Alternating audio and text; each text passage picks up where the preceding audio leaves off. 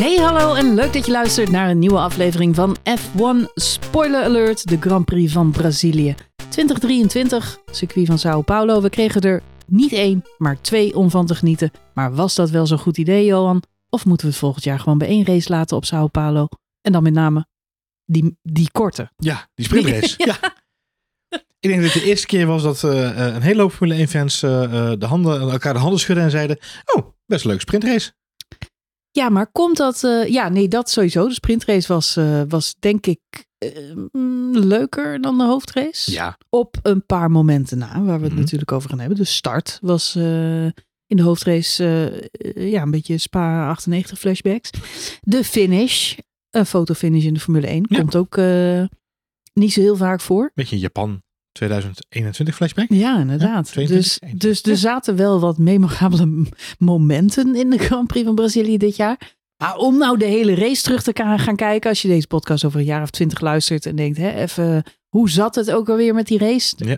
Kijk de eerste vijf minuten en kijk eh, de laatste vijf minuten en dan heb je het ongeveer wel. mensen eh, eerst een zolder op en dan moeten ze de, oude, de, oude, de eh. oude computer opzoeken. dan een beetje stof eraf blazen en dan moeten ze YouTube opstarten. YouTube. En kijken of ze er nog een goede kopie van YouTube hebben liggen. Zou dat nog in de lucht zijn over twintig jaar? Je weet het nooit. Je weet het niet. 20 jaar is zo voorbij, hè?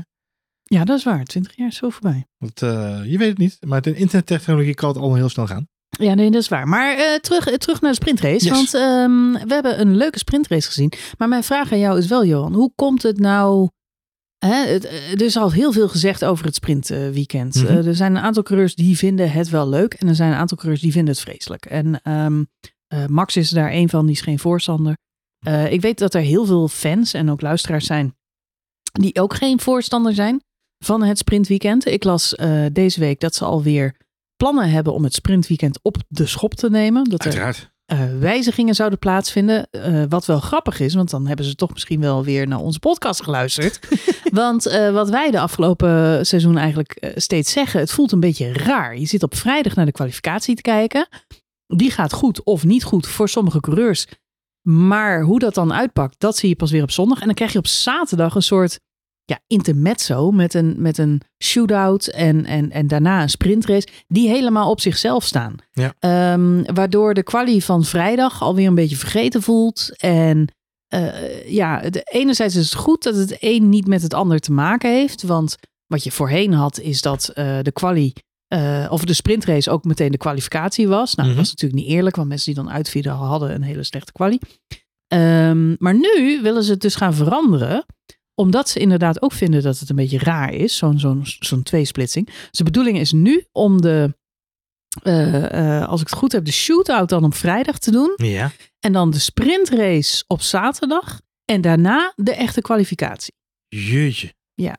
Oké. Verwarrend. Om meerdere redenen. Ja, Ehm, want ik gooi hem even uit los polsen, uit de heup geschoten. Want je confronteert mij met iets waar ik nog niet eh, gelezen had. Dus eh, altijd leuk.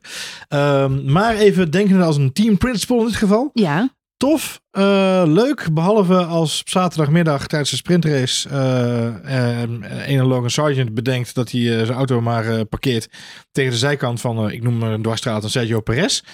En vervolgens zowel Logan Sargent als Sergio Perez niet kunnen gaan kwalificeren voor de Grand Prix op zondag. Dat lijkt me een vrij... ja eh, dat, eh, dat, ik denk dat als is je- lastig. als je de kritiek was dat de sprintrace ervoor zou gaan zorgen dat bepaalde teams geen risico durven te nemen, dan denk ik dat je die, die factor daar alleen maar mee vergroot in dit geval. Ja, dat zou ik. Ik, ik, moet, ik zal het even zo direct nog even goed eh, opzoeken. Het kan ook zijn dat ze de sprintkwalie en de sprintrace op één dag willen gaan doen. Ja. Maar dat zou dan die vrijdag moeten zijn. Dan krijg je een soort. Zonder vrije training. Ja, dat is ook een beetje gek. Hè? Ik vind het allemaal een beetje Of gek. dat ze de, de echte kwalificatie op zondagochtend doen. Dat is dan ook nog een. Maar in elk geval was het wel de bedoeling om de twee bij elkaar te bij houden. elkaar te houden. En de belangrijkste impact die deze aanpassing eh, zou hebben, dat is dat teams weer mogen sleutelen aan de auto. Dat betekent dat de huidige Park regels eh, die gelden. Dat is eigenlijk waar de meeste teams het meeste last van hebben. Eh, als je eenmaal een setup hebt bepaald op vrijdag, mag je daar niks meer aan doen. Tot en met eh, eh, de race op zondag. Nou, dat is balen, want je hebt geen vrije trainingen, dus je komt er niet achter. Ehm, daar willen ze eigenlijk eh coulantie in toepassen. Ja. Dus door het sprint ja, gebeuren naar voren te verplaatsen, zou je na de sprint, quali en race weer tijd hebben om toch nog enige afstelling aan die auto te doen. Het probleem Dat is dat de plan. regels zijn gekoppeld aan de kwalificatie van de Grand Prix. Ja. En de Grand Prix is op zondag. Dus vandaar Ja. dat het nu inderdaad een probleem zal opleveren. We Ja. zien dit weekend ook, hè. Eh, het aantal teams committen aan een setup op basis van de, eh, dat ene uurtje waarin ze volgens mij gemiddeld eh, 15 rondjes gereden hebben. Op basis daarvan gaan ze het raceweekend in. En voor sommige teams eh, is dat eh, Is dat heel succesvol. En voor andere teams eh, ronduit desastreus inderdaad. Ja. Dus ik denk dat daar eh, zit denk ik de sleutel. Ik denk onderaan de streep. Eh, ik weet niet of je per se de volgordigheid van zaken zou moeten veranderen. Maar je zou wel moeten nadenken over hoe je dat met die parkvermeerregels kunt oplossen. Dus Mhm. wat je zegt klinkt heel logisch. Hè? De- door, door de kwalificatie te husselen of, of om te draaien. Voorkom je dat mensen op vrijdag al gelokt zijn op een strategie die eh, eigenlijk hun hele raceweekend comprimeert. Tegelijkertijd. ehm, ja, dan ga je het allemaal weer heel gekunsteld maken. Ehm, maar het, het klinkt logisch om ze bij elkaar te houden. Maar feitelijk krijg je dan twee losse raceweekenden bij elkaar. Eh, en ik weet niet of dat ooit de bedoeling is geweest. Eh, maar het is wel weer typisch via... Laten we maar weer beginnen met sleutelen voordat we een, een- We zijn de pilot nog niet uit of we zijn alweer aan het sleutelen. Nee, klopt. En zoals Max dit weekend al zei en Lennon Norris zei het geloof ik ook. eh, het heeft toch geen zin om die vraag aan ons te blijven stellen, wat wij ervan vinden. Want ze luisteren toch niet naar ons. Er was wel echt enige kritiek vanuit de coureurs dit weekend. ehm, dat zij niet zo blij zijn met eh, ja, dat hun input eigenlijk een beetje aan de kant wordt geschoven. Ehm, het weerwoord is dan weer dat ze hè, eh, vanuit de coureurs wel degelijk luisteren. Maar dat de coureurs als één stem naar buiten moeten treden. En dat zou natuurlijk dan via de Drivers Association zijn. Ja. Ehm, die wordt voorgezeten door ehm, George Russell. George Russell op Ja. dit moment. Maar op de een of andere manier komt daar nog niet echt één duidelijke stem naar voren. Dus volgens mij hebben de coureurs, of een, nou George Russell zou je zeggen, die heeft toch niet zo heel veel beters te doen. Nou, Aangezien de Mercedes op dit moment eh, al half in de kliko hangt. Ja, maar bij George Russell, die werkt bij een team waarbij ze halverwege de race nog met elkaar aan het overleggen zijn of ze daar gaan samenwerken of niet. Ja. Dus ik ben, ben niet zo heel erg verbaasd over het feit. blijven hangen. We overleggen het even.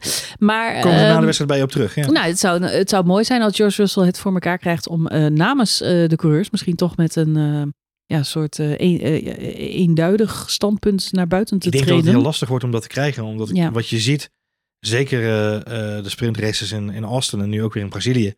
Daar wordt natuurlijk ook wel het resultaat grotendeels bepaald.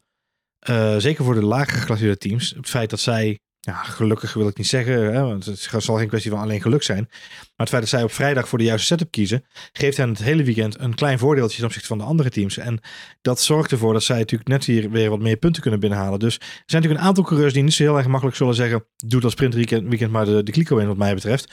Ehm, omdat ze daar ook gewoon hun punten vandaan halen. Ik denk dat een eh, Oscar Piastri blij zal zijn dat hij een, een overwinning gepakt heeft in Dat sprintweekend. is zeker waar. En ik begrijp dat de Mercedes inderdaad beide op dit moment wel voorstander zijn van het sprintweekend. Nou, dat is al, dan heb je al één voorzitter te pakken. Ja. Ja, precies. Ja, en een andere is er niet meer, want Vettel is natuurlijk gestopt. Nou ja, die is wel Is het niet raar dat er, dat er nooit een andere coureur bij is gekomen? Het waren er twee. Ja, volgens mij hebben ze wel gestemd, maar uiteindelijk hebben George Russell en het ego van George Russell de verkiezingen gewonnen. Ja, ja, oké. Nou, ik, ik vraag me gewoon af, of is hij de meest... Ik vind hem niet per se de meest neutrale coureur om namens alle coureurs te spreken. Misschien een Nou ja, beetje het is een- onaardig, het, maar Het is, een, het is een peer decision, dus ik ga ervan uit dat dat wel zo is. Je kunt, kunt met ik allen, denk dat niemand anders het wil. je kunt met z'n allen klagen over het feit dat Messi de gouden bal wint. Maar ja, als je het aantal stemmen ziet, heeft het merendeel van zijn collega's op hem gestemd. Ja, maar dat is natuurlijk ook een hele slechte beslissing. Dat weet jij zelf ook. Ja, zo gaan die dingen. Als je mensen de keus geeft, hè, dan gaan Eigenlijk zijn verkiezingen gewoon stom. Dat, is wat Ja, jij zegt. ja, nou, Eigenlijk zijn verkiezingen gewoon nutteloos. Nou goed, Nee. laten we die discussie vanavond even niet aangaan, joh. Maar ehm, wat, eh, wat, eh, wat, wat, eh, wat me wel deed denken, dit weekend eh, leuke sprintrace eh, gekeken. Veel eh, battles on track. Echt een paar eh, springen van de, ban- de bank eh, momentjes eh, wat mij betreft. Een vermakelijke eh, race op de zaterdag. Is het gevaar van een sprintrace ook dat, eh, behalve dat, hè, dat je de setup niet meer kunt veranderen, maar is het gevaar van zo'n sprintrace niet ook dat we op zondag naar al een iets saaiere race eh, zitten te kijken? Het is echt wel een beetje twee keer hetzelfde, ondanks dat de startvolgorde natuurlijk niet hetzelfde is. Dus Nee. Nou ja, kijk, voor de, voor de kijkers, ehm, ik blijf erbij. eh, en ik dat heel veel mensen dat met elkaar en met ons eens zullen zijn. Kijk je liever naar een vrije training of kijk je liever naar een kwalificatie in een race? Eh, en dat is denk ik de vraag die je zelf onderaan de streep moet stellen. Kijk je liever naar drie vrije trainingen, waarin mensen anderhalf uur lang over een baan heen rijden en informatie verzamelen? Of kijk je naar een maar kwalificatie daar heb je gelijk in, want de vrije training sla ik eigenlijk bijna altijd Eigenlijk over. En ja. nu heb ik het hele week, eh, weekenden alles wel Je gekeken. kijkt alles in principe toch Ja. wel terug. Het is leuker om naar te kijken dan de vrije trainingen. En in principe zijn het ook de momenten waarin de meeste teams natuurlijk hun data verzamelen. Ehm, ja, dat maakt het inderdaad in die zin eh, voorspelbaar. Ja, als je de drie vrije trainingen kijkt op een gemiddelde normale Grand Prix weekend. Ja, dan haal je ook al heel veel informatie op. Hè? Als het gaat om eh, bijvoorbeeld eh slijtage van de banden, waar natuurlijk dit weekend heel erg sterk over ging. Ik denk niet dat de teams minder informatie hadden gehad als ze drie keer vrij hadden kunnen trainen. Drie keer een uur, eh, zeg ik, twee keer anderhalf uur en, en één keer een uur. Dan hadden ze net zoveel informatie misschien nog wel meer zelfs als het gaat over setup. En dan hadden alle teams eh, als ze een naadje kunnen voorbereiden. Ik denk dat je dan ook, weet je, dan is het misschien het gevoel niet dat je naar een voorspelbare race te kijken, omdat je daarvoor niks gezien hebt. Het is een soort konijn uit de hoge hoed. Maar ja, het is wel een konijn uit je eigen achtertuin. Om- maar zo'n spreekwoord te verbasteren. Dat is een heel vreemd geen spreekwoord. sigaar uit eigen doos, maar een konijn uit eigen achtertuin. konijn uit uitdag. Goed, eh, nou ja, wat, eh, dan, en dan de laatste vraag, nou ik erover op. Maar wat ook nog kan, is dat het seizoen op dit moment toch ook wel een beetje eh, gelopen is. En is dat dan misschien ook de reden dat we met iets minder spanning naar de race kijken? Of wordt er misschien wat minder risico genomen? Wat denk jij? Je bedoelt de race, de, de, de zondagrace? Of Ja. de, de sprintrace? De, de spanning is er wel een beetje vanaf. Hè? De, de kampioen is bepaald. Ja. We hebben het natuurlijk wel over de nummer twee. Ik merk ook bijvoorbeeld in de journalistiek eh, wordt ook heel erg gezocht en gehyped naar wat is er nog spannend op dit moment. Mhm. Het gaat dan over Checo Perez en de 20 vo- punten voorsprong die hij voor dit weekend had in het kampioenschap. Eh, of Max hem wel of niet eh, gaat helpen. Nou, dan laait heel die discussie weer op. Ik denk dat Max er heel verstandig aan doet. ehm, door zich daar gewoon heel neutraal over uit te spreken. En ik blijf wat dat betreft ook echt team Max. Ehm, in de zin van, eh, ja, moet je iemand helpen om tweede te worden in het kampioenschap, terwijl die zelf alle kaarten in handen heeft om dat zelf keurig af te maken? Dat lijkt me iets wat Checo toch prima zelf kan oplossen, als hij dat ehm, wil. En dat laat hij dit weekend zien, vooropgesteld. Ja. Eh, rijdt een sterke race en eh, spannend gevecht met Alonso aan het einde natuurlijk. Dus ja, ik ben wel met Max eens. Eh, volgens mij moet je niemand willen helpen. En hetzelfde geldt ook een beetje de situatie Lando Norris in deze race. Daar wordt ook, ik heb er vandaag ook nog het nodig over gelezen. Maar het spannendste moment in de wedstrijd was misschien wel het moment dat Lando Norris ehm, ja, Max misschien bijna had kunnen inhalen. En ja, wij zaten ernaar te kijken en we dachten, eh, Max die geeft een lift. Ja. ja, is de welbekende. Volgens mij zei hij zelf ook in de persconferentie achteraf. Oh ja? Het is eh, alsof je een worteltje voorhoudt eh aan het ezeltje om achter je aan te rijden. Of zoals hij zelf zei, it's like handing out a cookie. Handing hij out a hield- cookie. Hij hield het koekje, het, ko- het koekje hield hij De voor aan. En het koekje was, kom maar Lando, kom maar Lando, kom maar. En uiteindelijk plankgas en weg. En binnen twee rondjes of 2,5 Maar het seconden. we hebben dit natuurlijk twee races geleden ook gezien. En toen, eh, wat mij opvalt, en kijk, ze zijn natuurlijk vrienden. Hè? Er, wordt, er wordt veel, eh, het zijn hele goede, ze gaan goed met elkaar om. Ehm, en het, het, het, het valt mij op in zo'n race dat hij echt wel even zijn hand uit wil steken om, om Lando een stukje vooruit te helpen. Want hier heb je een paar rondjes DRS. Kun je net even gat slaan met degene die achter jou zit. Helpt jou misschien later in de race om het podium te claimen, et cetera. Dus je merkt dat Max hem helpt. Wat valt me twee races geleden op? Eh, in Amerika. Lennon Norris, die ehm, daar ook wel een beetje over begint, eh, over de boordradio, een beetje te klagen over Max, eh, moving under braking, bla bla bla. Gisteren natuurlijk ook weer in de race. Ehm, hij zit erachter, steekt zijn neus er een paar naast, alsof hij hem gaat inhalen. Maar ja, vanaf dat moment trekt Max het gaspedaal vol open en is hij gewoon twee, drie seconden weg. Ja. In, in twee rondjes tijd. Ik denk ook niet dat Max hem echt wil helpen, hoor, om eerlijk te zijn. Nee? Ik denk oprecht dat ze gewoon bij Red Bull een Delta hebben afgesproken. Waarin hij zijn eh, eerste rondes moest rijden. En eh, McLaren heeft daar eh, aan mee willen doen. En die heeft gewoon een iets, iets hogere pacing gehad aan het begin. Waardoor ze wat dichterbij bleven. Maar zodra Max het zijn kreeg dat hij wat meer mocht gaan duwen op die banden. Was hij ook gelijk 2,5 seconden weg. Ik denk echt oprecht. eh, want uit na de pers, in de persconferentie achteraf eh, tegenover de, de eh, journalistiek zei hij ook. eh, en dan kreeg je de vraag van wanneer, eh, hoe, hoe zwaar eh, wa- weegde het bandenmanagement deze race. En wanneer begon je met het echt managen van je banden? Waarop Max zei in de outlap. Hmm. Het is gewoon vanaf, vanaf ronde nul hebben die jongens op de banden zitten letten. Ja. En in het geval van Max, eh, die wist natuurlijk dat hij eh, de troefkaart die hij heeft, is extra pace. Maar die kun je alleen inzetten als je banden ook toereikbaar zijn, of toereikend, eh, toereikend zijn. Als zijn banden niet goed genoeg waren geweest, kun je nog zoveel extra pace hebben. Als je je bandje gort rijdt, heb je echt een probleem. Dus hij heeft echt wel uh, uh, zijn best gedaan om te zorgen dat hij zo lang mogelijk aan kop kon blijven rijden in die vrije lucht. En die banden ook zo lang mogelijk kon blijven gebruiken. Uiteindelijk rijden Max en Leno natuurlijk in die eerste stint de langste stint op die softs. Volgens mij 27, 28 rondjes uit mijn hoofd. Ja, ze kunnen het lang vol. Uh, ze houden het met z'n tweeën lekker lang vol op die, ja. op die softjes. En dat heeft alles te maken met het feit dat ze gewoon alles weer aan het managen waren. Lando gaf er gewoon toe na afloop van de race. Ik heb het geprobeerd. En ik realiseerde hem ook gelijk direct, ook bij de herstart naar de rode vlag. Uh, ik kan nog zo goed mijn best doen en kijken of ik erbij kan komen. Onderaan de streep, op 71 ronden lang, heeft die McLaren helemaal niks te zoeken bij die Red Bull. Dus was het altijd uh, was het ten koste gaan van zijn eigen race. Want had hij zijn banden nog verder aan goed gereden, had hij een of Fernando Alonso misschien nog wel veel meer in zijn, in zijn kielzog gehad. Dat is zeker waar, dat is zeker waar. Wat wel opvalt is dat Lando uiteindelijk profiteert van dat liften of van het meerijden of hoe je het ook wil noemen. Ja. Ik denk dat Max inderdaad uh, zich over weinig dingen druk maakt. En al helemaal niet over Lando Norris die in zijn DRS zit. Um, maar uh, Lando profiteert daar wel van. Twee slaan een aardig gat naar de rest van het veld. Die zichtbaar meer problemen hadden dit weekend. misschien even beginnen bij de Mercedes'en. Maar ja. dramatisch weekend. Mm -hmm. Toto Wolff heeft al aangegeven. Deze auto verdient niet eens een overwinning. Kunnen we gewoon afschrijven. Dit jaar gaat hem niet worden. Dat is toch wel... Nou ja, niet verrassend hoor. Uh, als je kijkt naar de resultaten in, uh, in Amerika en ook in, uh, Mexico, denk ik ook dat ze een beetje geflatteerd zijn of, of geholpen zijn door ja, de, de scherpte die ontbrak bij Lando Norris en, en bij McLaren. Um, zeker Lando Norris heeft zichzelf natuurlijk heel erg lastig gemaakt de races hiervoor.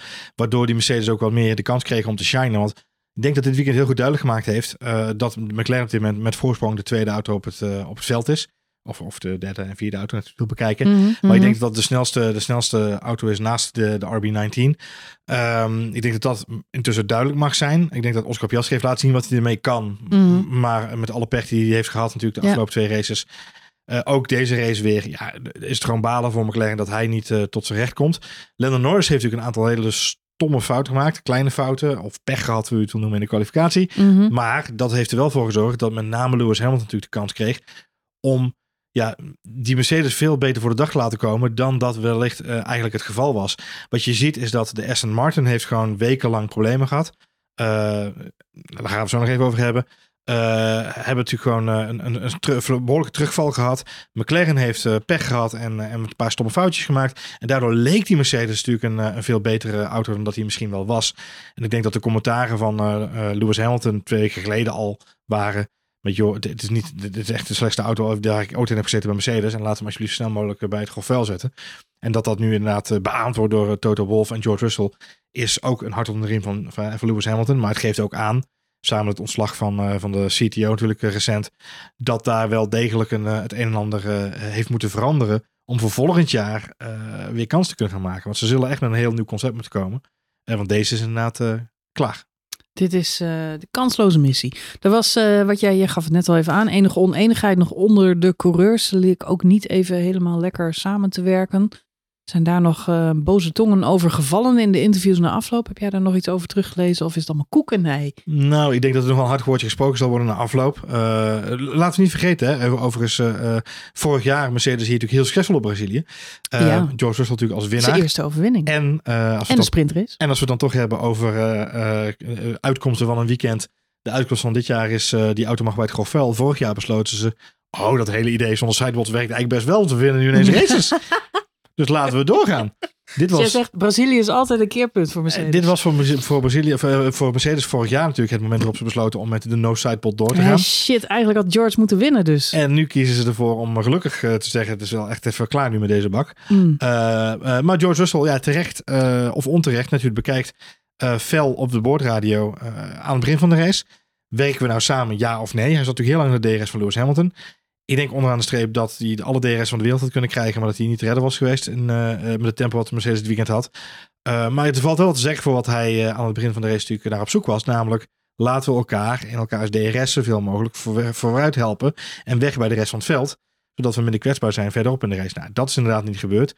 De manier waarop George Russell dat deed, ja, dat zal heus nog wel de evaluatie even besproken worden. Want um, Lewis Hamilton heeft er niet echt een woord over vuil gemaakt na afgelopen twee, ik weet. Maar ik denk dat hij in de debrief nog wel eventjes uh, zal hebben geïnformeerd of dat inderdaad de toon is die de coureurs naar elkaar willen uitspreken. Vanuit een uniform perspectief. Je zegt George Russell moet weer eens even een toontje lager gaan zingen. Ja, ik denk dat hij flink de balen heeft van zijn seizoen bij, uh, bij Mercedes natuurlijk. Had natuurlijk een heel ander seizoen verwacht dit jaar. Vorig jaar Hamilton overduidelijk verslagen in het kampioenschap. Nou, dat is ook Mhm. wel eens knap, want het is niet iedereen gegund. Uh, was, in zijn- natuurlijk, was natuurlijk Hamilton zijn uithuiljaar. Exact dat. Die begint net weer een beetje Nou ja, en, eh, eh, rebound. eh, die, die- ja, die komt en net zelfs Lewis. Hamilton heeft wel eens een keer een off-day gelukkig. Hè? Dus dat, eh, ook, ook hem is niks menselijks. eh, eh, kan hem ontzegd worden. In dit geval eh, eh, denk ik dat George Russell echt wel de balen heeft van zijn seizoen tot nu toe. Eh, wat natuurlijk tot uiting komt eh, in zo'n in zo'n weekend als dit. Wat natuurlijk voor hem zelf een herinnering is aan vorig jaar waarin hij wist te winnen. Ja, nu staat hij daar kansloos. rijdt hij eigenlijk eh, de top 10 uit en vervolgens de garage in. Ja, dat is natuurlijk heel pijnlijk. Dus, eh, Het is ook pijnlijk. En ik, ik vraag me altijd af ja, of ze toch een beetje de verkeerde hoop hebben eh, gekregen. Want jij zegt zelf al, het is een beetje geflatteerd, deze, eh, of eigenlijk de, de uitslagen de afgelopen tijd. Wat dat betreft wel Jantje lacht, Jantje huilt bij Mercedes. Twee weken geleden stonden ze nog op het podium met Hamilton. Ja. Zag het er allemaal super rooskleurig uit. En waren ze op de weg terug. En keep up the good work. En we gaan in de juiste richting. En Hosanna. En het was eigenlijk toppie joppie. En nu ineens kan dat ding weer bij het grof vuil. Ik vind dat wel vrij groot contrast hoor. Ondanks eh, dat andere teams zich natuurlijk ook weer hebben herpakt, gelukkig. Eh, gesproken over teams, speaking of, zeggen ze in het Engels. Die, ehm, die eh, zich weer een beetje lijken te herpakken, moeten we het zeker even over Aston Martin hebben. Ja. Jij gaf net al aan, een hele slechte paar races achter, achter de rug. Ehm, Fernando Alonso voor het laatst op het podium bij ons hier in de duinen op het mooie Zandvoort circuit. Daarna ging het allemaal bergafwaarts bij Aston Martin upgrades, maar die pakte zo slecht uit dat ze eigenlijk gewoon helemaal weer terugzakten in de middenmoot. Vorig Grand Prix weekend, hè, waar we net eh, zeggen we Mercedes had juist de weg naar de top weer gevonden en ging allemaal goed.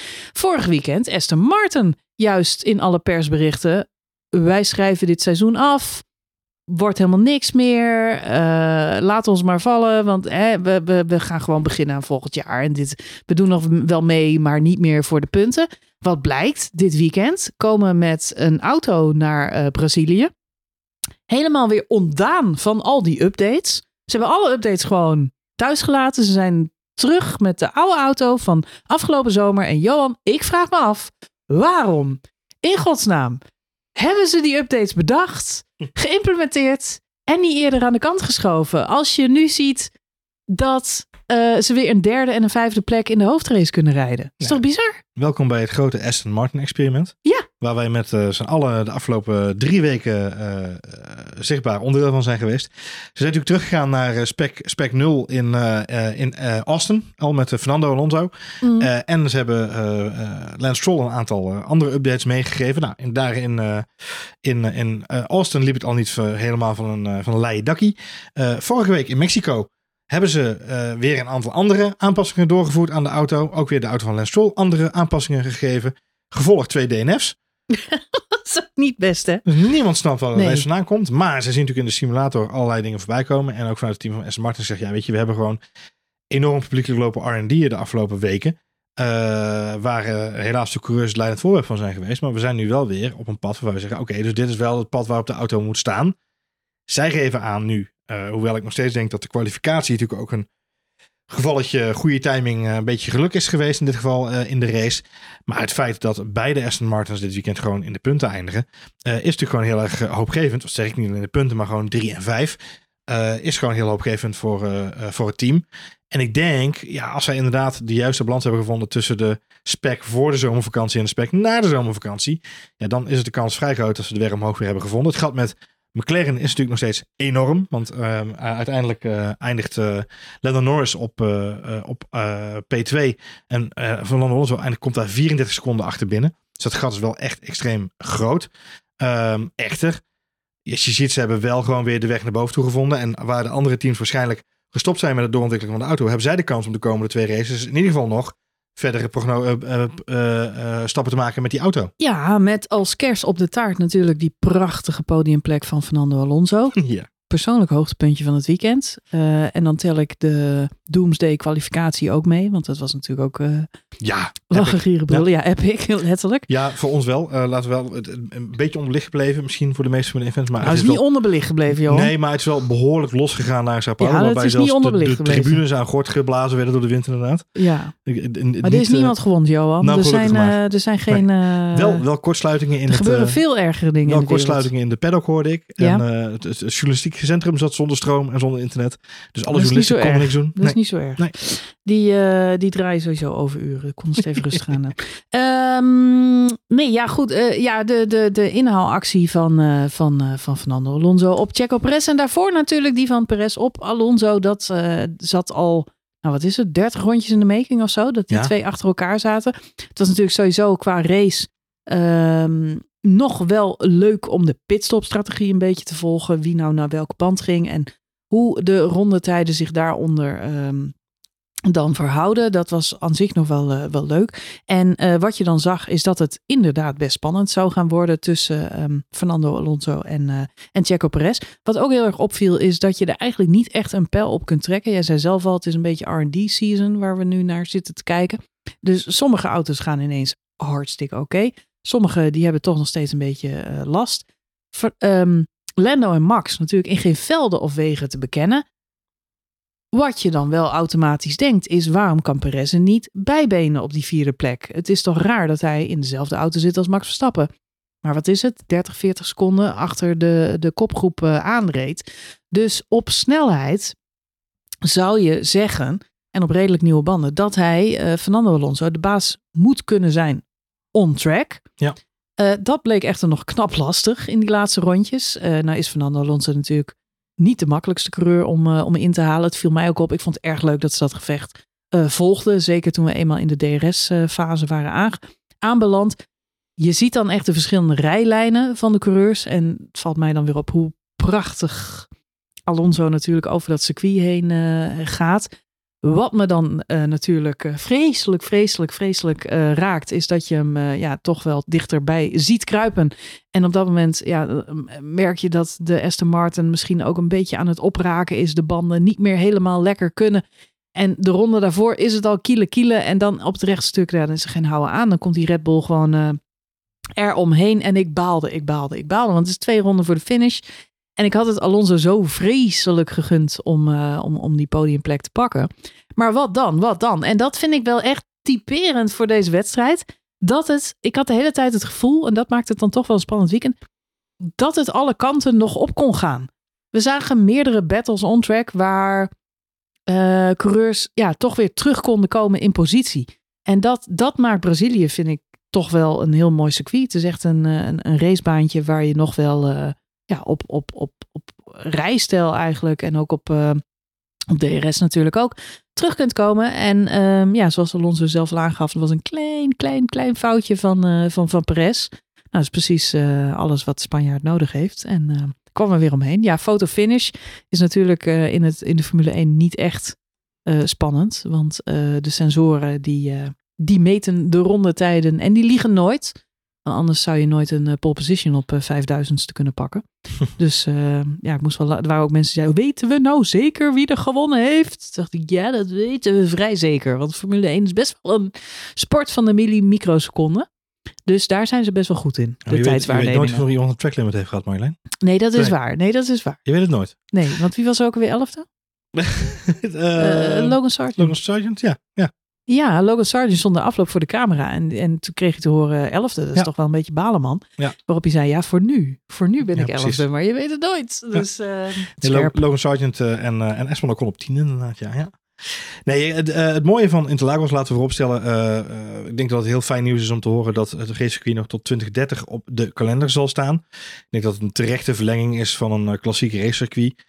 En ik denk dat het contrast groot zal zijn eh, met, eh, met Las Vegas, waar we nu heen gaan. Eh, ik denk dat het voor de menige racefan ook even een, een kleine eh, traan wegpinken zal zijn de komende weken. Maar goed, het spektakel zal overwinnen, hoop ik, op Las Vegas. Daar ga ik er maar vanuit. Wat eh eh, ehm, Interlagos interessant maakt, vind ik, is met name die kwalificatie. Want dat is pure snelheid. Dan zie je ook hoe snel die auto's daadwerkelijk zijn. De coureurs moeten ook maximaal tot op de grens gaan. Op dat hele korte baantje. Er zijn twee andere banen die dat heel erg in zich hebben. Eh, misschien drie. Singapore, Japan en met name eh, Oostenrijk. Dat zijn, ja. met met name Oostenrijk vind ik hem heel erg bij aansluiten, omdat de rondtijden ook een beetje vergelijkbaar zijn. Wat je dan ook ziet in een sprintrace is dat dan coureurs ook vaker in de DRS kunnen blijven. Hè? Als ze maar maximaal, want ze weten, we hebben zoveel ronden te gaan, dus we kunnen maximaal gaan. Ja, dan blijf je ook in de DRS en dan krijg je veel meer spektakel. Over 71 ronden zie je dat zo'n korte race eh, al vrij snel gaat leiden tot bandensparen, management en daardoor veel meer grotere gaten. En eigenlijk zagen we natuurlijk eh, gedurende het grotendeel van de race bijna niemand in gevecht met elkaar. Er was natuurlijk heel veel, eh, eh, heel veel ruimte tussen de verschillende coureurs. Met heel veel gemanaged vanuit de pitstops. Mooie van Interlagos is wel, als je dan eenmaal zit te kijken, er zijn een aantal momenten waarop je naar het puntje van je stoel kan. Dat is bocht Mhm. 1 Mm. en daar volgend bocht 2. Ja. Want bocht 1 kun je aan de binnenkant of aan de buitenkant langs. Je kunt ook aan de buitenkant proberen iemand in een fout te forceren. Dan moet hij van zijn lijn af. En dan ben je ideaal opgeleid om in bocht 4 de inhaalmanoeuvre te maken. Ehm, en, en die is nieuw uitgevonden door Fernando Alonso dit weekend. In bocht 12, als je daar een betere exit hebt, dan kun je een Red Bull in je nek hebben. 30 rondes lang. Maar zolang je in bocht 12 gewoon die betere exit hebt, kun je in principe die Red Bull in 17e gewoon uit je, uit je DRS houden. En eh, eh, komt hij er in principe in bocht 1 niet aan te pas. Ik denk dat dat de grote klasse is van Fernando Alonso dit weekend. Er zijn een hoop mensen die ehm, eh, nog eens een keer beamen hoeveel andere lijnen Fernando Alonso gedurende de vrije trainingen en ook in andere momenten in de race, ook in de outlaps, rijdt om te kijken waar kan ik allemaal gekke dingetjes uithalen. Zoals eh, Sergio Perez ook de afloop zei. Je weet bij Fernando Alonso, hij gaat gekke dingen doen. Mhm. Deze race was het bijvoorbeeld op hele vreemde momenten beginnen te sparen met zijn energie. En dan vervolgens op andere momenten weer die energie uitgeven op plekken.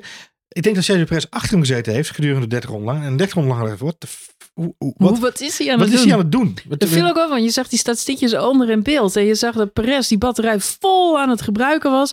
En Alonso die was minimaal. Die had hem maar voor de helft of zo Nou ja, ingezet. een beetje tikkie sparen hier en dan Ja. weer uitgeven daar. en er was dus ook voor, voor, vanuit strategie, vanuit, vanuit ja, weet je, het gevecht onderling, geen pijl op te trekken wanneer Fernando Alonso nou eigenlijk echt op zijn daadwerkelijke eindstrategie zat. Nou, en dat maakt het zo verschrikkelijk interessant. Ja, aan het einde van de race waren die banden echt wel gewoon op, die Aston Martin. Op dat moment haalt hij ook bocht 12, haalt hij die perfecte exit niet meer. Ja, en dan komt de Red Bull natuurlijk heel snel dichtbij. Eh gevloek en getier op menige bank in heel Nederland, denk ik. Eh, in ieder geval die van ons. Eh, want dan denk je inderdaad dat Fernando zijn plekje kwijt is. Maar ja, Fernando zal Fernando niet zijn. Als hij in de laatste ronde dan ziet, inderdaad, precies wat jij zegt. Ik had een Pierre Gasly momentje Hij, hoor. Ik hij lijnt hem ook perfect op. springen. Mijn kinderen zeiden, mam, wat doe je nou? er werden camera's op mij gericht, maar het staat niet op TikTok. Nee, gelukkig. nee, gelukkig nog Maar, niet. Althans niet dat we ehm, weten. Nee, nee, Nee. nee, dat eh, wordt eh, streng op toegezien. Maar ehm, eh, nee, dat was natuurlijk, dat was toch geweldig. Ja, het Man, is, het twee is, en dan zo ook over de finish. En, en dan, na afloop die beelden van, van Aston Martin. Ik heb het allemaal nog honderd keer zitten terugkijken. Ook hoe zijn team reageert en hoe die allemaal staan te springen. En natuurlijk ook mooi is, is dat die twee gasten elkaar na afloop gewoon de hand schudden. Een dik knuffel geven en zeggen dat was, eh, dat was leuk. Ja, en dat was voor Sergio Perez ook alle reden toe. Want hij eindigt natuurlijk ruim voor Lewis Hamilton. Precies. Had Lewis Hamilton op P2 gestaan en hij op P4, had hij misschien Dan iets minder hard geknuffeld. ja, dan Ja, was het maar dan was het anders. allemaal anders Maar geweest. Maar Het was de eerste keer dat eh Lando Norris en eh, Fernando Alonso. Bij elkaar op het podium stonden. En natuurlijk Max erbij. En ik moet zeggen, mijn favoriete podium van het jaar. By far. ja, denk het ook wel inderdaad, ja. Dus eh, Ja. ik ga hem inlijsten. Ik ga, Oh. hem op- ik ga hem nog net niet op mijn rug laten tatoeëren. Maar Nee. eh, Wel de teletext-uitslag van nee, deze ook niet. De teletext, Nee? nee, moest ik ook Ook net heel aan typisch. denken. Ja. Zeker niet de teletekststand. Overigens is die alweer gewijzigd. Precies. Ehm, dus ja, eh, Ferrari, Johan. Hebben we Ja, het nog even helemaal niet over gehad? Zullen we het even hebben over jouw HBTF? Commenters HBT curse. Oh ja, ik had iets geschreven. Ik zei nog zo tegen je in de vorige podcast. Ik kreeg ook allemaal boze appjes van Fred van Zeur. Ik denk, ja, sorry. Ja, en die was er helemaal niet blij mee. Nee, dat snap ik. Ik, zeg, had mijn nou mond op moeten met houden. wat je doet. Ik, de, ik zag een stijgende lijn. Ik denk, die zijn op de weg terug. Dat gaat helemaal goed komen bij Ferrari. Die Charles Leclerc, die heeft zijn kop er goed op staan. En ehm, En dus zei hij dit weekend in de auto, why am I so unlucky? ja, die arme jongen. Ik gun hem dit echt niet. En ehm, Ik, gun zag vandaag- Ik gun die jongen een Aston Martin. ik, eh, ik zei het al, want ik heb, eh, ja, ik gun hem een Aston Martin. Of een plekje bij Red Bull. Dat zou ook wel iets voor Ook hem zijn, dacht Nou, ik Pak laatst. je alle Ja, eigenlijk denk ik iedereen nog steeds bij Red Bull. Want Mooi dat je deze gewoon, week eh, hebt geroepen naar mij was inderdaad Sebastian Vettel terug bij Red Bull. Ja, Daar dat zei ik ook tegen jou. niemand over Daar gehoord. heeft nog niemand het over gehad, joh. Nee. Maar Sebastian Vettel terug bij Red Bull. Dat weet ik, Waarom ze- heeft niemand het daarover? Omdat ze al iemand hebben die de koffie zet. Nee, Sebastian Vettel wil terug in de. Formule 1. Ik, ik wou zeggen, Sebastian Vettel, die kun je erbij hebben. Vanwege zijn bijennestjes. Maar Maar hij kan, hij kan prima mee. En als, als, als Alonso nog een tijdje mee kan, dan kan Vettel ook nog een tijdje mee. nou, dan moet je dan eerst even laten zien bij Alfa Tauri. Alfa Jezus. Krijg je Ricciardo en Vettel bij Alfa Het seniorenteam De van, eh, seniorenteam van Red Het Bull. recreantieteam van Red Het Bull. is, eh, als je met pensioen mag, dan mag je daar naartoe. Ja. Zit Max later ook. Ja, leuk. zijn oude dag. Misschien kan Jos weer instappen. Is leuk. ze die auto van Vader en zoon team. Heel gezellig. Oh, leuk. Ehm, Heel de dag Tom Jones over de boordradio. Ja, maar speaking of eh, Ferrari-mannen. ehm, ja, nee. eh, ehm, ik, zag ook allemaal memes voorbij komen dat ehm, eh, eh, Charles Leclerc als een soort hobbit op weg was naar, eh, naar Gandalf. Naar de Shire, Naar ja. de Shire. Ja, zo rende hij daar door het veld. Ik had zelf meer, maar dat zei ik al, ik had überhaupt flashbacks naar Spa 98 omdat daar natuurlijk een flinke openingscrash was, die trouwens vele malen groter was dan, dan deze crash tussen Albon en, ehm, En Magnussen. Ja. Ja, maar eh, wat wel het, eh, waar, waar het me aan deed denken is dat ehm, eh, vlak daarvoor natuurlijk Leclerc is stilgevallen, of eigenlijk gecrashed is in de, in de opwarmronde. Eh, blijkt uiteindelijk eh, aan zijn auto te liggen en niet aan hemzelf. Ik dacht in eerste instantie dat hij zelf een stomme fout maakte. Maar eh, laten we er maar even vanuit gaan dat iedereen de waarheid spreekt en dat dat niet zo is. Ehm, Is dus best op Ferrari, hè? Ja, dat, ja. goed. Het blijft toch Ferrari, Johan. Maar Nee, ehm, je, ziet onboard, het- je ziet de onboard echt altijd ja, uitvallen. je Dus weet het is gewoon echt ja, je roept, hij roept het ook en je ziet het inderdaad. Dus, ehm, ja. Nee, maar daarna zien we hem in allerijl terugrennen. Alsof, alsof hij nog weer mee kan gaan doen aan de race. En dat is helaas natuurlijk Nee, niet nee, zo. Gandalf komt vuurwerk afsteken. Ja, kan. Kom. Maar eh, in, in, in de jaren negentig had je inderdaad zoiets als een T-car. Dan Ja. had elk team gewoon eh, drie auto's bij zich. En dan eh, was er één auto, een soort van reserve. Dus als er een hele grote crash was geweest en je had mazzel. dan kon je in de T-car stappen en dan kon je gewoon weer Ja. rijden. En David Coulthard die deed dat dan in, in Spa. Die was dan aan het rennen. En het is natuurlijk een eh, Britse sport van origine. ja. Dus we hebben nu een cap, een cap of tea. ja. Dus we hebben nu een cap of tea. Maar er is geen tea meer. Er is wel een cap. En dat is een kostcap. En daardoor zijn er geen tea-cars meer, Marjolein. Nee, op zich is dat logisch. Maar toch moest ik er even aan denken. Dus Charles Leclerc nog rennen. Toen dacht ik, zou, zou die nou serieus denken? Charles misschien, Leclerc in de safety car. Ja, misschien kan hij alsnog meedoen. Ik weet het niet. Misschien had hij kunnen ruilen met Zou toch leuk zijn geweest als hij gewoon eh, Carlos Sainz een beuk had gegeven. Ja, en wanneer hij precies. vrij was gestapt bij de rode Geef vlag. mij die auto. Ja. Ik ben veel beter op Brazilië. Nou, Nee, dat, eh, dat kon helaas niet. Wie wel opnieuw weer konden gaan starten, dat waren Daniel Ricciardo en ehm, eh, Oscar Piastri. Oscar Piastri. Ja. Die ehm, wel beide eh, gruwelijke pech hadden. Want die reden eigenlijk de hele race op een ronde achterstand. En dat ga je natuurlijk nooit, never nooit niet goed maken. Nee, nou is het wel zo dat de beelden hebben uitgewezen dat ze in principe gewoon eh, zich hadden mogen unlappen. Ja, dat klopt. Maar dat is niet gebeurd. En dat eh, verpestte eigenlijk hun race. Maar waarom is dat niet gebeurd? Geen idee, om heel eerlijk te zijn. heeft niemand op zitten letten. HBTF, ja. Het blijft toch het Ah, je, ja, ja, Ja, precies. eh, in dit geval eh, eh, hebben er kennelijk een paar mensen zitten slapen. Want volgens mij is het zo dat zij eigenlijk al een uh, opwarmronde voor de resttijd hadden mogen maken. Waardoor ze zich hadden unlappen. Ze zullen hebben unlapped. Zoek even het onvoltooid deelwoord op van unlappen. Un, un, un, unlappen. Ungelapt hebben. Gelept. Zij hebben zich ungelapt. Ja. In dit geval is dat niet gebeurd. En daardoor zitten ze eigenlijk op de backfoot. Wat heel ontzettend balen is. Met name, nou goed, voor Oscar Piastri mag het duidelijk zijn. eh, In de, denk ik, eh, tweede snelste auto op circuit. Maar ook voor Daniel Ricciardo. Die natuurlijk niet zo'n hele lekkere eh, kwalificatie had. Na zijn succesweekend in Mexico. Echter, Yuki Tsunoda zagen wij natuurlijk een dijk van een race rijden dit weekend. Zeker op de zondag. En die liet eigenlijk in beide races, ook in sprintraces, wel zien dat er best heel veel potentie is gekomen in die Alfa Tauri in de afgelopen weken. Dus ook daar eh gloort er hoop voor in ieder geval de laatste twee races van het seizoen. Ja, het is toch een beetje jammer dat dat eh, dan dit weekend niet helemaal uit de verf kwam. Maar Ricciardo heeft inderdaad wel, denk ik, enige reden om toch blij te zijn. Hij mag weer racen. Ik denk Ja, dat blij dat zijn. sowieso. Ja. Maar de, ja, wat jij al zegt, Tsunoda laat dit weekend zien dat er echt wel potentie misschien in de auto zit. Of Ja, waar de auto we ook gaat. eh, vooral ook eens een keer een complimentje geven aan Yuki. Want eh, na natuurlijk de flater in, in Mexico is hij wel degelijk, waar hij zichzelf natuurlijk in alle frustratie uit de race rijdt, zou ik bijna willen zeggen. Of uit de punten bijna. In dit geval heel volwassen gereden. Eh, ook een aantal momenten waarop hij eh, een inhaalmanoeuvre overwoog. Maar dan ook gewoon keurig de lijn hield als het niet ging passen. Geen, eigenlijk geen voet verkeerd gezet, om het zo maar eens even in plat Nederlands een Engelse uitdrukking te verpesten. Ehm, eh, en, en een hartstikke dijk van de week race gereden. En daardoor de meeste punten weer binnengehaald voor AlphaTauri dit weekend. Ja, nee, absoluut. Ehm, genoeg reden om blij te zijn. Als we zo de hele, het hele raceweekend een beetje in oogschouw nemen, hè, zit ik wel te denken. Nu Alfa Tauri, Ferrari, Mercedes, Aston Martin, Red Bull wellicht ook.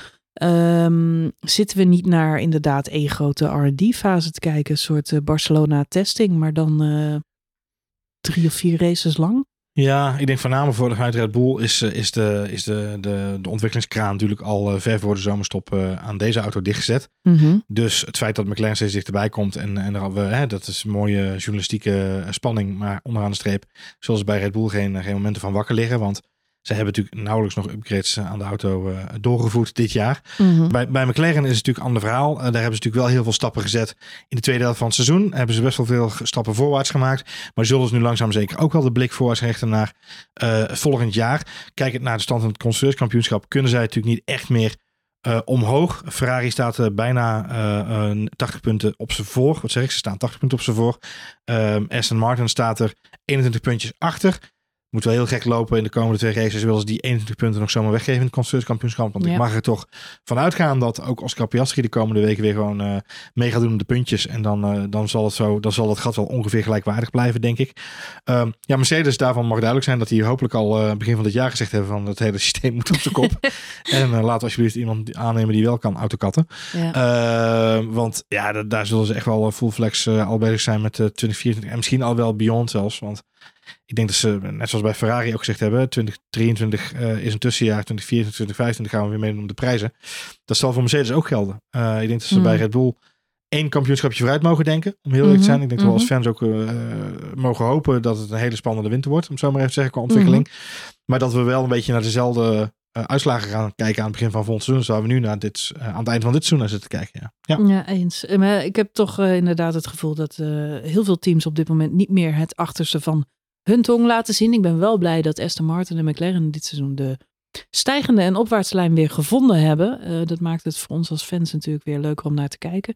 Maar laten we Mercedes en Ferrari zeker niet uh, uh, ja, wegtekenen. Want ik denk dat daar gewoon wat... nee, nee daar, daar zijn gewoon ook ontwikkelingen gaande. En dat zullen we volgend raceseizoen allemaal wel weer gaan meemaken. Er zijn nog twee races te gaan, Johan. Ja, één race en één en één show. En één show-event. Ja. Dat is dan over twee weken. De lang verwachte Grand Prix van Las Vegas. Het voelt wel als iets waar we echt al heel, heel, heel, heel, heel erg lang op zitten te wachten. Ik kan me herinneren dat voor het seizoen überhaupt begon, of vrij aan het begin daarvan, er ook opnames zijn geweest voor uh, de Formule 1 intro. En die zijn dan in speciale Vegas-stijl gemaakt. Ja. En Charles Leclerc heeft daarbij een outfit van Elvis aan, omdat hij dacht dat alle coureurs in Elvis-kostuum zouden verschijnen in die trailer. Dat Ja. bleek niet het geval. Hij is de enige.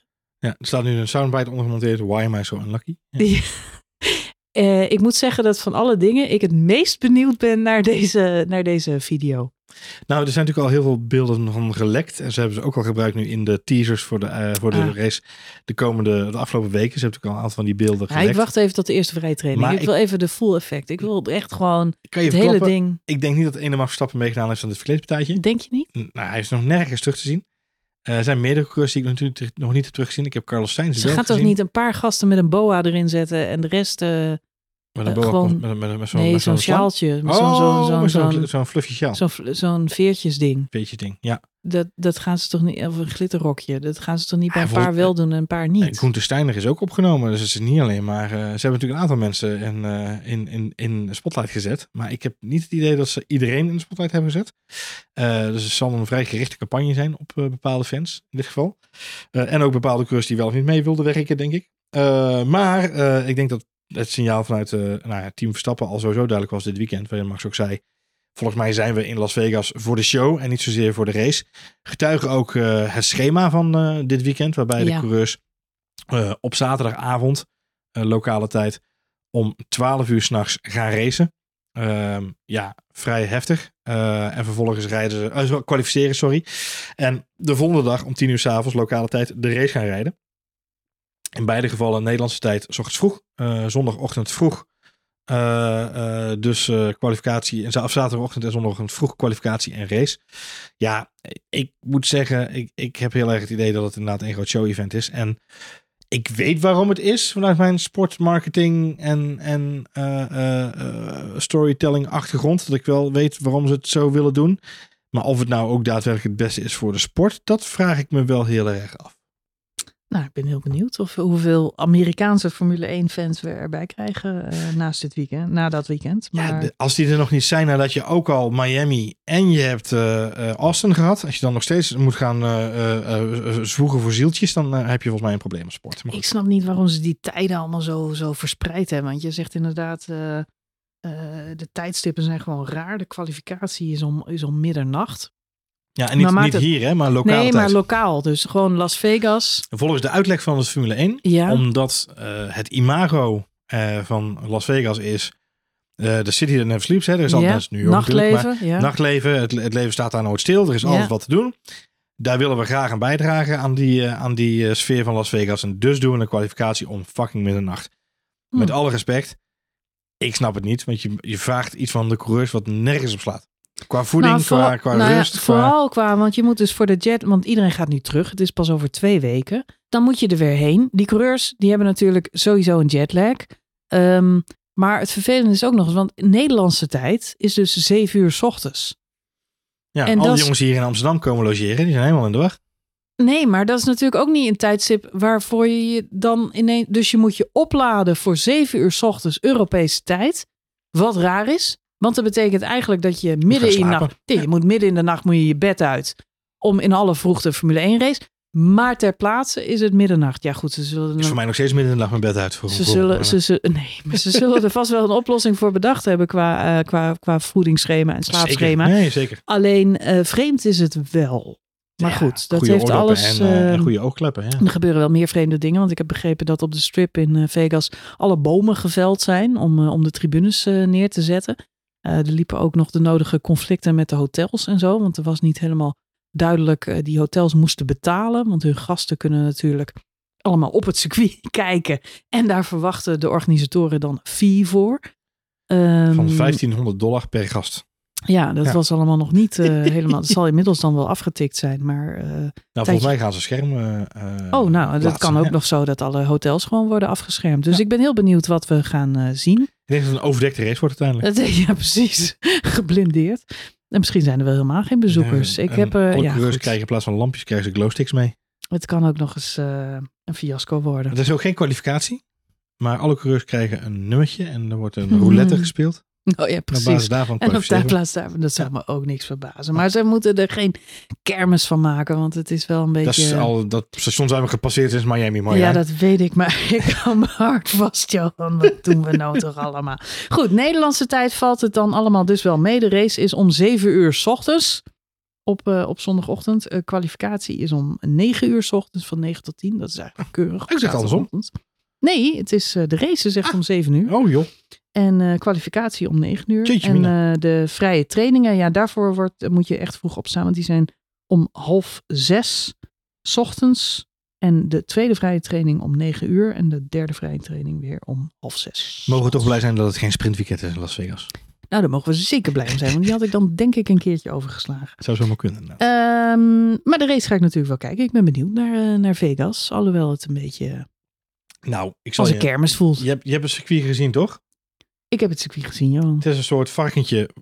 Een soort varkentje. Pootjes. Ja, ik weet het. Uh, gelukkig, uh, wou ik, ik wou zeggen, gelukkig sluiten we af met een hele mooie... Uh, een hele mooie race, een hele mooie Abu race in de woestijn een week later. Top. Maar dat houdt ook niet over. Nee. Maar goed, we gaan niet klagen, Johan, want we hebben nog twee Formule 1 races dit Als seizoen. ik maar donuts krijg op Abu Dhabi. Uh, donuts, ja, dat, nou inderdaad, ja. Van, Van iedereen. Nou, nou, in ieder geval Logan Sargent, maar dan in de race. En dan daarna, uh, aan het einde van de race, van de Alonso, Max Verstappen en dan Norris gewoon zijn drie op een rij. Dat zou Leuk. En dat dat ook weer het podium is. Ja, dat, dat denk ik. zou ja. natuurlijk wel, uh, wel een mooie ja. kroon zijn op dit seizoen. Goed, uh, ja, wij gaan, uh, wij gaan afronden en wij gaan ja, uitkijken naar die laatste twee Grand Prix van 2023. We zijn er bijna, het seizoen zit er bijna op. En dan zijn we pas in februari weer terug met tests. Er wordt natuurlijk nog ook wel een beetje getest naar Abu Dhabi zelf. Bandentests. Ja. Bandentests. Ja, deze maar, doen het. Deze zijn rond. Ja. Ik denk dat de coureurs vooral aan vakantie toe zijn. En wij misschien ook wel. Na zo'n lang, lang, lang Formule 1 seizoen. Um, mocht je nou nog vragen hebben voor die laatste twee races, dat is misschien wel leuk. Dan eh, stel die nog even via Ja. onze Telegram chat. Kun je, kun je altijd reageren. Ehm, mag ook op Instagram of een van onze andere kanalen. Maar Telegram is wel het makkelijkste plekje om dat te doen. En eh, kunnen wij ook direct daarop reageren. Zoals ze in de Randstad zeggen, daar gebeurt het vulst. Daar gebeurt het meest. Ehm, heel erg bedankt voor het luisteren. Wil jij nog iets zeggen? Oh, nee. Oh, dat was hem. Eh, en heel graag tot de volgende aflevering van F1 Spoiler Alert.